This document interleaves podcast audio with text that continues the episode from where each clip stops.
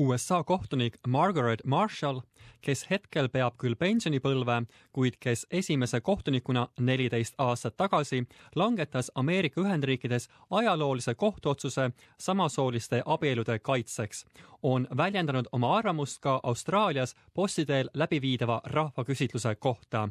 Ta loodab, et austraallased ei pea abielu võrdõiguslikkust ootama enam liiga kaua Londoni Rahvusteatris aset leidnud sündmusel istus publiku seas ka naine, kes neliteist aastat varem Ameerika Ühendriikides käivitas õigusliku ja sotsiaalse maavärina aastal kaks tuhat kolm otsustas Massachusettsi ülemkohtu esimees Margaret Marshall, et samasoolistele paaridele seadusliku abiellu astumise keelamine on nende põhiseaduslike õiguste rikkumine.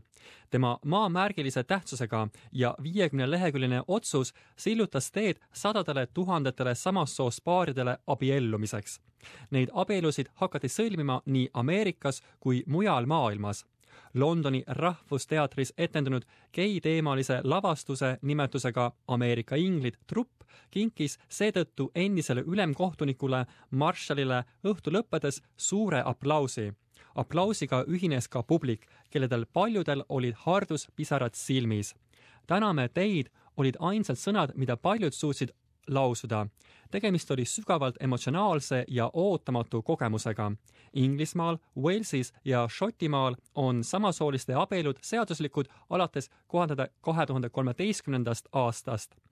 SBS-i reporteril Brett Masonil õnnestus endiselt ülemkohtunikult küsida, mida ta arvab Austraalia valitsuse poolt läbiviidavast samasooliste abielu rahvaküsitlusest I wouldn't judge another nation, but I am surprised that people anywhere in the world don't understand yet what it means for people to love one another. It doesn't matter what their gender, what their origins, where they come from, and I just hope that we won't have to wait for too much longer before everybody in the world can be in love with and marry the person that they choose to. Näitleja James McArdle tutvustas peale etendust Margareti kohtuotsuse kõige kuulsamat punkti. Civil marriage is an esteemed institution, and the decision whether and whom to marry is among life's momentous acts of self definition.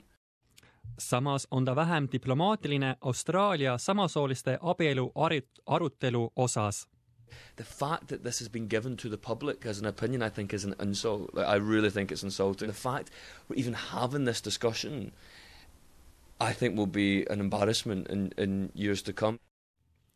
kümne aastat enne oma maamärgilise tähendusega kohtulahendust istus Margaret Marshall selles samas teatris, kui kunstiaktivistidest teatrirühmitus esietendas publikule lavastuse Ameerika inglid mis räägib loo tuhande üheksasaja kaheksakümnendate aastate Ameerika Ühendriikide kõrgajastul toimunud AIDSi kriisist.